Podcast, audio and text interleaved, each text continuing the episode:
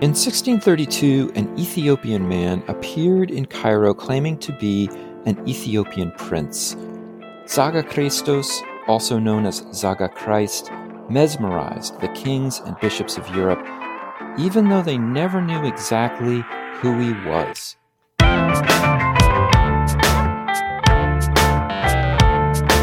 It's time to eat the dogs. I'm Michael Robinson. Today, Matteo Salvadore talks about the strange journey of Zaga Christos and his impact on the Renaissance world. Salvadore is an associate professor of history at the American University of Sharjah. He's the author of The African Prester John and the Birth of Ethiopian European Relations, 1402 to 1555. Matteo Salvadore, thank you for talking with me. Uh, thank you very much for having me, Michael. So, in 1632, a young African man knocks on the door of the Venetian consulate in Cairo and he's asking for medical help. And he identifies himself as an Ethiopian prince, Zaga Christos. What happens? Can you tell us this story?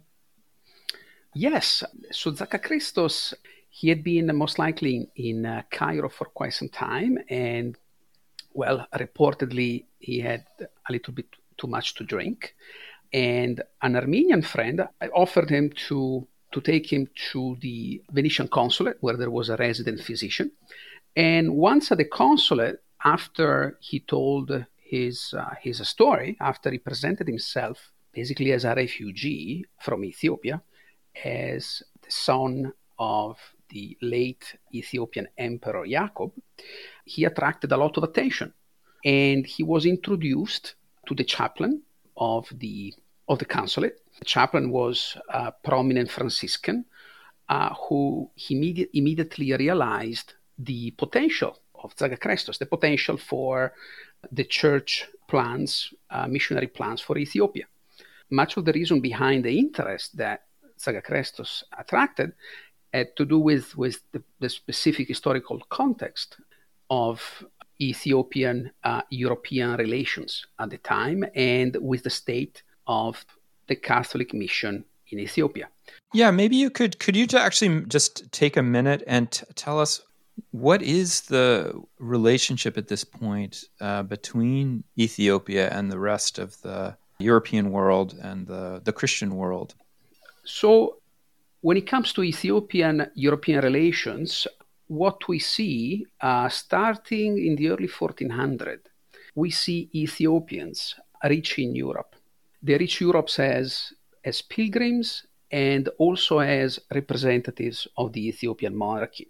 And they are welcomed because although they subscribe to different type of Christianity, they are Christians in an era when the church and uh, both the church and uh, multiple European uh, states are actually looking for partners, for partners beyond the Muslim world. So, if I can, if I understand this correctly, what you're saying is is that there's a robust Christian presence in Ethiopia, but it does not follow Rome. It's not uh, the Catholic Church. It's a, yes. it's a separate and independent church. That's correct. The Ethiopian church is a Miaphysite church. It depends on the Coptic church.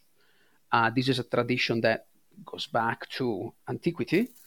And so Ethiopians uh, subscribe to a form of Orthodox Christianity. Mm, mm-hmm. But in the 1400, let's say the, the theological ritual differences between Catholicism and Ethiopian Christianity were not as let's say that were they were not as important. Europeans found, you know, that the possibility of establishing contacts, uh, relations with a Christian kingdom on the other side of, of, let's say, on the other side of the Muslim world, very appealing. Yeah. Especially because they were identified with the European myth of, of Prester John, of this mythical king whom Europeans first, uh, first located in Asia and that eventually was identified with the kingdom of Ethiopia. So when Ethiopia's, Ethiopians reached Europe, they were often, oftentimes referred to as the subjects of Prester John. And so that's something that uh, made the, the establishing of relations with Ethiopia even more attractive. The idea that uh, Prester John might be a kind of African Christian ally in Europe's attempt to take back the Holy Land. Am I getting that correct? Uh, absolutely, absolutely. That was that was part of the of the mythology and the and the interest on you know on the European side. Did people think that that Zaga Christos was actually related to Prester John or the son of, of Prester John, or was it just were they just seeing him as um, from from that royal family? So by the time by I would say by the the by the early 1500, Prester John basically becomes a title ascribed to the emperor of Ethiopia, mm. and so about 100 years later, when when Zaga Christos uh, uh, shows up and says that he's, he's the son of Jacob, Europeans start to refer to him as the son of Prester John. Wow. Mm. Prester John as a, again as a title. And as far as the reasons behind the Ethiopian interest in Europe, there are a variety of factors. Uh, so you have pilgrims who are who are traveling to Europe out of piety, out of you know their own religious consideration. They want to acquire religious knowledge. They're also interested in um, in European technology. They are interested in European relics. They are interested in a variety of things. And again, despite what Europeans regard as the peculiarities of their faith, in the 1400, uh, they were absolutely welcomed. And in fact, they established a presence, a, a sig- very significant presence, right behind the St. Peter's uh, Basilica in, in Rome. Uh, interesting. Wow. In a church called uh, the Church of Santo Stefano, which came to be known as Santo Stefano degli Abissini, which means of the Abyssinians. That was one of the nicknames that were used to, to refer to the church. You mentioned that uh, when Zaga Christos shows up in Cairo and announces himself to the Franciscan missionaries there, that they're very interested in him because of particular political issues going on within the Catholic Church. Is that correct? Yes. So there are multiple. It, it's um, in a way, uh, it is an ideal. It is an ideal context for Zaga Zagakrestos, because on the one hand, there is still a Jesuit mission in Ethiopia that has been active on and off since the 1550s. And this, this Jesuit mission was very successful early in the 1600s. They actually managed uh, to convert a variety of noble families. And ultimately, they convinced the emperor uh, of Ethiopia, Susenyos, to convert. To, to Catholicism, not just. To Catholicism. Yeah. yeah. To convert to Catholicism. And then, of course, once Catholicism becomes the official religion of, of the monarchy, of the country, then we see widespread persecution and ultimately there is a civil war. And it, it, this is right at the time when Zaga Christos shows up in Cairo. And so the Franciscan, the Franciscan missionary talked to, he was aware of these troubles in, in Ethiopia. In fact, by then, the, Emperor Susenyos had already abdicated. Now, the Franciscan was not aware of that, but he knew that there was trouble. And so when he met Zaga Christos, he realized that uh, this, this young man, who immediately appeared to be highly educated, he had a lot of potential, a lot of potential for the Franciscans, who were, of course, in competition, not just in Ethiopia, but in a variety of places overseas. They were in competition with the Jesuits and also for Propaganda Fide. So, Propaganda Fide, the congregation of Propaganda Fide, is this basically this ministry for the for missionary activities worldwide mm, for the Franciscans. No, it's not Franciscan. It's uh, this is actually a church ministry. Okay. It's it's a congregation. So in the aftermath of uh, the Council of of Trent, the church reformed and started to to take the shape of a modern state, and he created uh, a variety of congregations were created. And in 1622, the Congregation of Propaganda Fide was created to coordinate the global missionary effort. And one more reason why Zaga Christos was very appealing to the congregation was that the congregation, we could say Rome in general, the, the, the papacy, had been struggling to wrestle a variety of missions from the Portuguese and the Spanish crowns, which were still enjoying old agreements of patronage that basically made them independent, not independent, but quite autonomous from the Catholic Church. And so they were resisting this process of centralization. Of course, the Jesuits were also very much resisting this process of centralization. To both the Franciscans and the congregation, the papacy, Zaga Christos was represented an opportunity to start an alternative mission bypassing Portuguese patronage and starting an alternative uh, mission, I mean, alternative to the Jesuits. And yet, with all of this uh, potential that you talk about with Zaga Christos kind of appearing at exactly the right moment with uh, the perfect pedigree for offering influence in Ethiopia, he comes with virtually no evidence that he is who he says he is. And there's this great material in your article that you write about the fathers at Father Paolo, who um, uh, is trying to figure out who this guy is and writes letters of conduct for him to other church fathers saying, yep, he's the real deal. And then subsequently writes other letters saying no, he's a complete fraud? Eh, uh, absolutely, absolutely. Because of course, there, as, as, you said, there was no evidence, and uh, Father Paolo, uh, what he was trying to do was trying to to get a sense of his reputation, his, his identity from other people who had met him.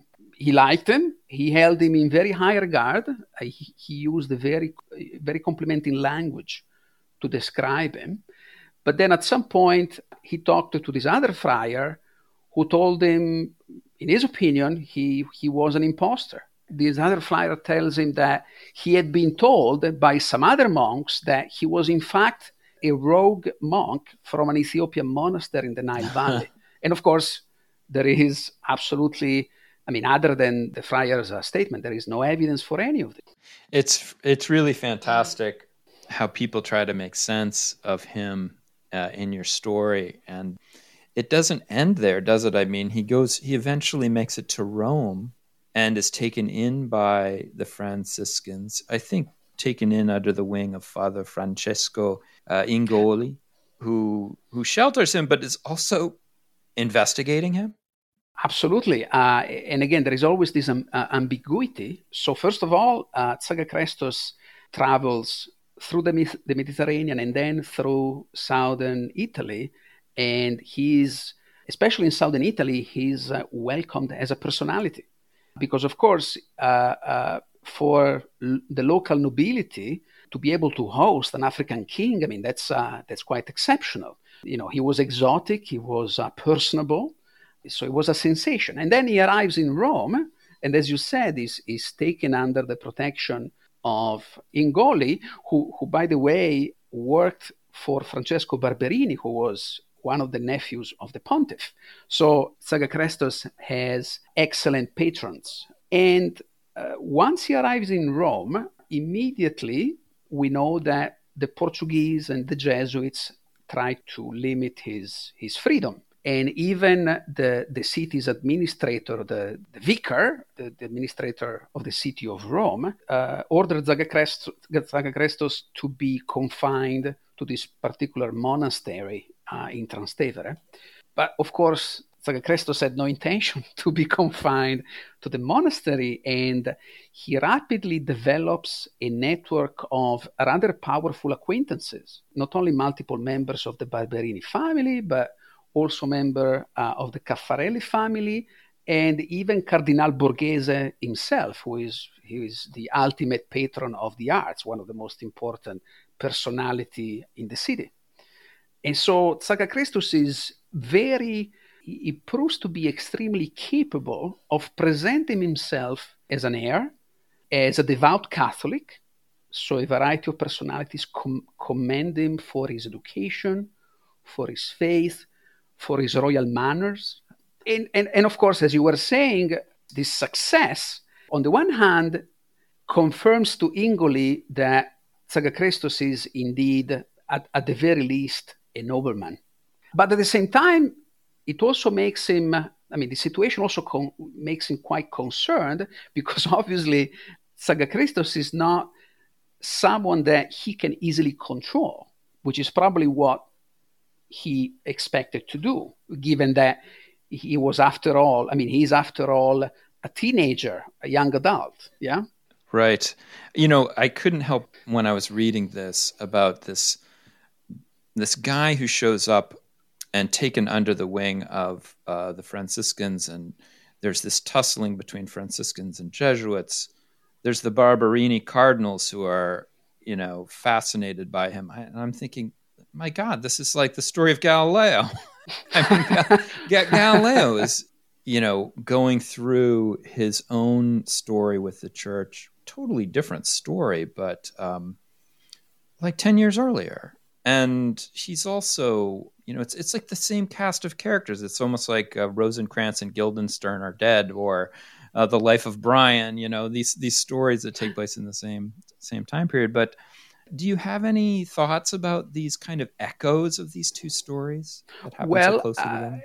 Actually, I'm, I'm, glad you, you brought this up. In fact, Zaga Christos arrives in Rome, and he is in Rome at the time of Galileo's trial. Wow, that's wild. And I I looked everywhere for evidence of an encounter, which is not as I would say is not as far fetched, because we know, for example, that Zaga Christos in Rome uh, and later in, in Paris, entertained relation with the philosopher Tommaso Campanella, the, the author mm. of The City.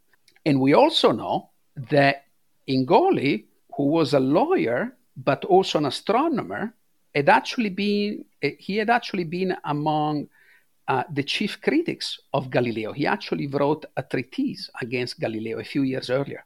Wow. And so these are individuals, uh, you know, these are personalities uh, who were in the same circles. In a way, it's a, it's a, it was a pretty small world, that of the educated, the intellectual, and, and, and that of the prelates. And so it is not to be excluded that possibly they even met. That's amazing.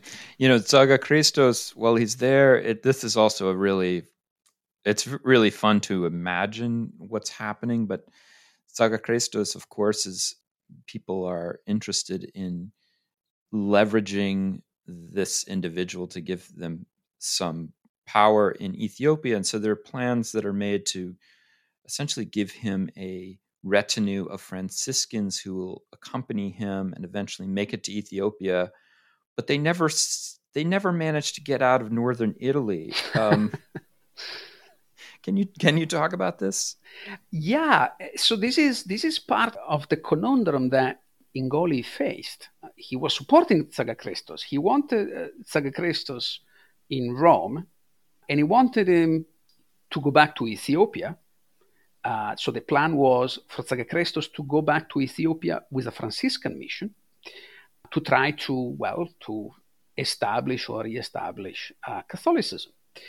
However, Zaga Christos had, in a way, no intention of following his directives. So Ingoli wanted him to seek the patronage of Tuscany, of the Grand Duke of Tuscany. That was, uh, that was Ingoli's preference.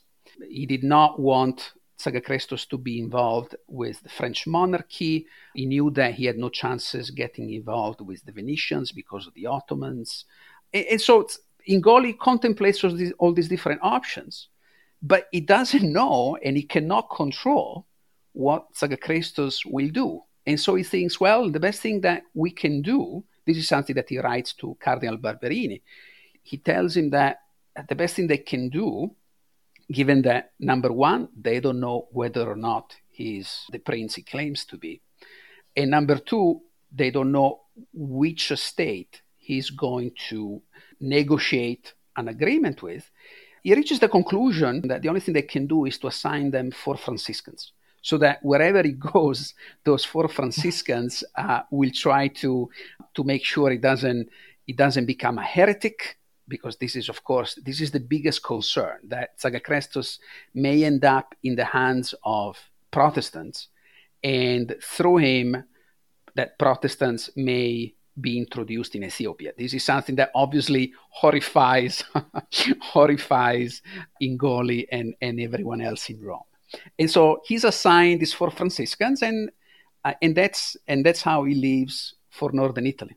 Eventually, also against the wishes of uh, Ingoli, he, he actually makes it to Paris, where he gets into even more trouble. and this is really the final act of this story. What happens in Paris?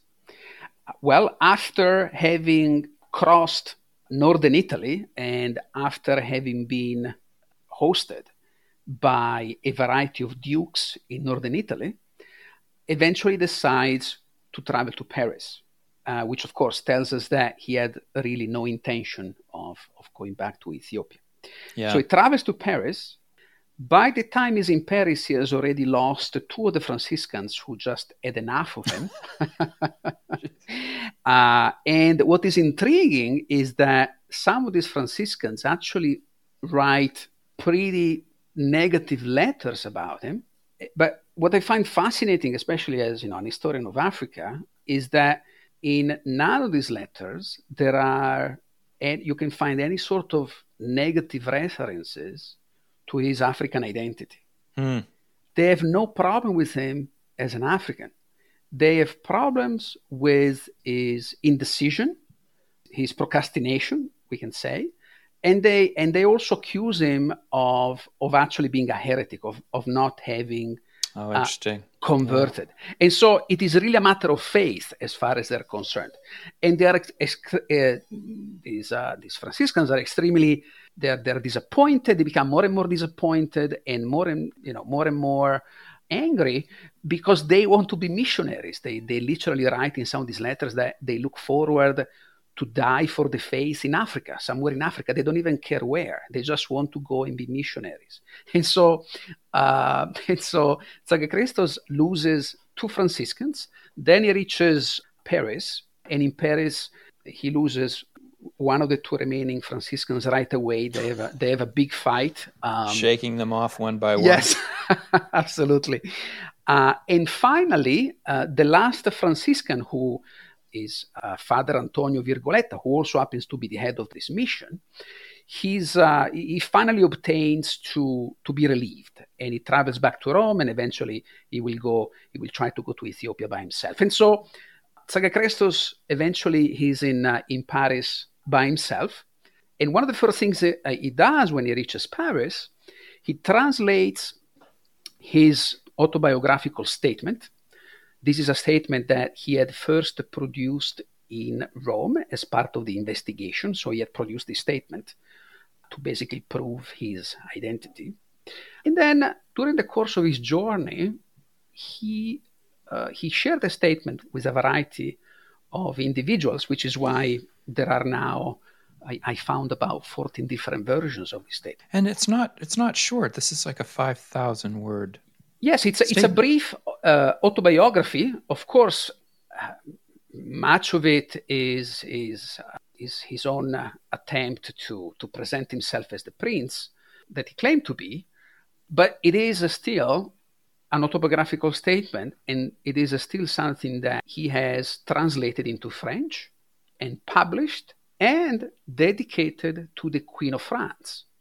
I have to point out something that you mentioned in this, which I found really interesting.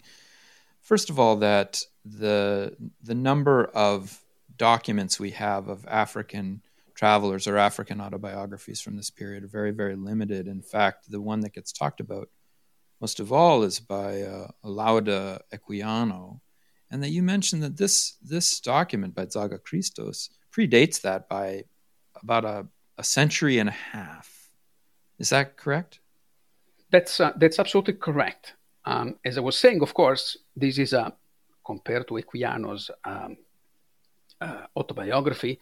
This is a, relatively short statement, but I think it's still it is still very significant um, because again he uh, he produced it, he had it translated it translated, and he had it published and dedicated to the Queen of France. Uh, why? Well, because he wanted to be accepted as a peer. Yeah. He wanted to be accepted at the French court. And to a point, he succeeded. So, so in Paris, like everywhere else he went, he was not recognized as the heir to the kingdom of Ethiopia. But he was welcomed as a, as a nobleman, as a personality. Yeah, interesting. Uh, and so he, he occupied this in between position between being fully recognized for the as the person he claimed to be and you know on the other hand being rejected as a, as an impostor. So nowhere he went he was rejected. And almost immediately gets into some really serious trouble. Uh, once he's established in paris uh, then we we lose track of, of what he does uh, because well because the franciscans are no longer with him we have a letter there is a letter from T- tommaso campanella who is now in paris who, who writes to In- Ingoli and tells him that, well, Zagresto is still here, but nothing is happening. And then, and then just a few weeks later, Zaga Christos is arrested. Uh, he is arrested as he's trying to flee Paris with the wife of a Parisian notable. While he's in detention, he's, uh, he undergoes and, and is the subject of an investigation uh, which is in itself, uh, we only have one source uh, for this investigation, which is, um, I would say, is, is quite phenomenal because if we read the transcript of, of the conversation between Zaga Christos and the investigators, what we see is, is Zaga Christos being extremely defiant. Uh, so he, he presents himself as the son of the king of Ethiopia, and he tells the investigators uh, including the chief in- investigator of the city, a guy by the name of Laffemas, who is universally uh, feared by, by everyone in the city. He tells him that he's the prince of Ethiopia and that you know, this investigation is a sham, that he cannot be investigated, he, he cannot be interrogated because it's beneath him. yeah. Eventually, he ends up imprisoned. What happens at this point? So once he's imprisoned and he undergoes couple, at least a couple of interrogations, we don't quite know whether he was in, in, in prison for a few weeks or or a few months. Mm. But within months of his arrest, he actually dies at the uh, mansion uh, or castle of, of Cardinal Richelieu outside of Paris. Mm. And so we know that by then he had been released uh, and we know that he died most likely of pneumonia or anyway eh, some respiratory disease because he had suffered throughout his journey in the Po Valley. What do you think when you look at this really incredible story? I, I find it so interesting because at one level, he's a voice that we just we don't have these kinds of voices. We don't the record doesn't speak to this kind of experience. At the same time, all of the evidence that you present suggests that he was making up most of it. So, how do you think about Zaga Christos's significance to us in trying to understand something about uh, this time period? So, to me, Zaga Christos is first and foremost an African agent mm. who made his own history, and he also influenced the way in which his interlocutors in Rome, in Cairo, in Paris thought about Africa, thought about missionary activities. And if we look at what happens after his death as far as missionary activities in Ethiopia, we see that despite the Jesuit failure, there are multiple new attempts. And so, yeah. in a way, we can see Zaga Christos as someone who most likely involuntarily, because of course he was looking out for himself, but in a way he attracted more missionary interest to Ethiopia. And then we also we also see someone uh, whose life in Europe was defined by his personality. He was defined by his exotic identity, but in ways that allowed him to be very successful. And so I would put him together with you know, other prominent African or part African personalities, such as the Black Medici, Alessandro de' Medici, the, the, the Duke of Florence, or the half Portuguese, half African musician uh, Vicente Lusitano, the painter Juan de Pareja of part African descent. Mm. Uh, so I- individuals who who manage to exploit a context that still allowed them to thrive despite what we know was a growing racist discourse that characterized the European image and understanding of Africa. Because, of course, racism is on the rise in the 14, 15, and 1600. In the 1600 in France, we start to see the, the first attempts to classify humanity on some sort of biological basis. We start yeah. to see the first attempts to articulate polygenism, for example. And, and so, in a way, uh, Zaga's uh, story tells us that these racial, this, you know, these uh, horrible racial categories were not as entrenched yet. They would be entrenched quite uh, rapidly, quite soon, but not yet. Yeah, I found this so refreshing because so much of, as you know, so much of the way we write about exploration, the subjects of exploration in Africa are told from the perspective of the a Western explorer or a Western colonizer um, going in and seeing things and and rendering other things totally invisible. And so you really flip the telescope around, and we see this world through his eyes. I think that's just it's it's really super interesting. Thank you, Matteo Salvadore. Thank you so much for um, for talking with me. Thank you uh, thank you, Michael, for having me. Thank you very much. That's it for today. The music was composed by Zabrat. Make sure you check out the Time to Eat the Dog's website podcast links and other exploration related stuff. And if you get the chance, please take a minute to rate and review the show wherever you get your podcasts. It really helps make the show visible to new listeners.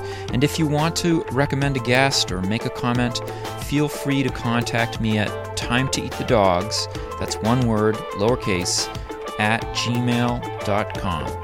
See you next week.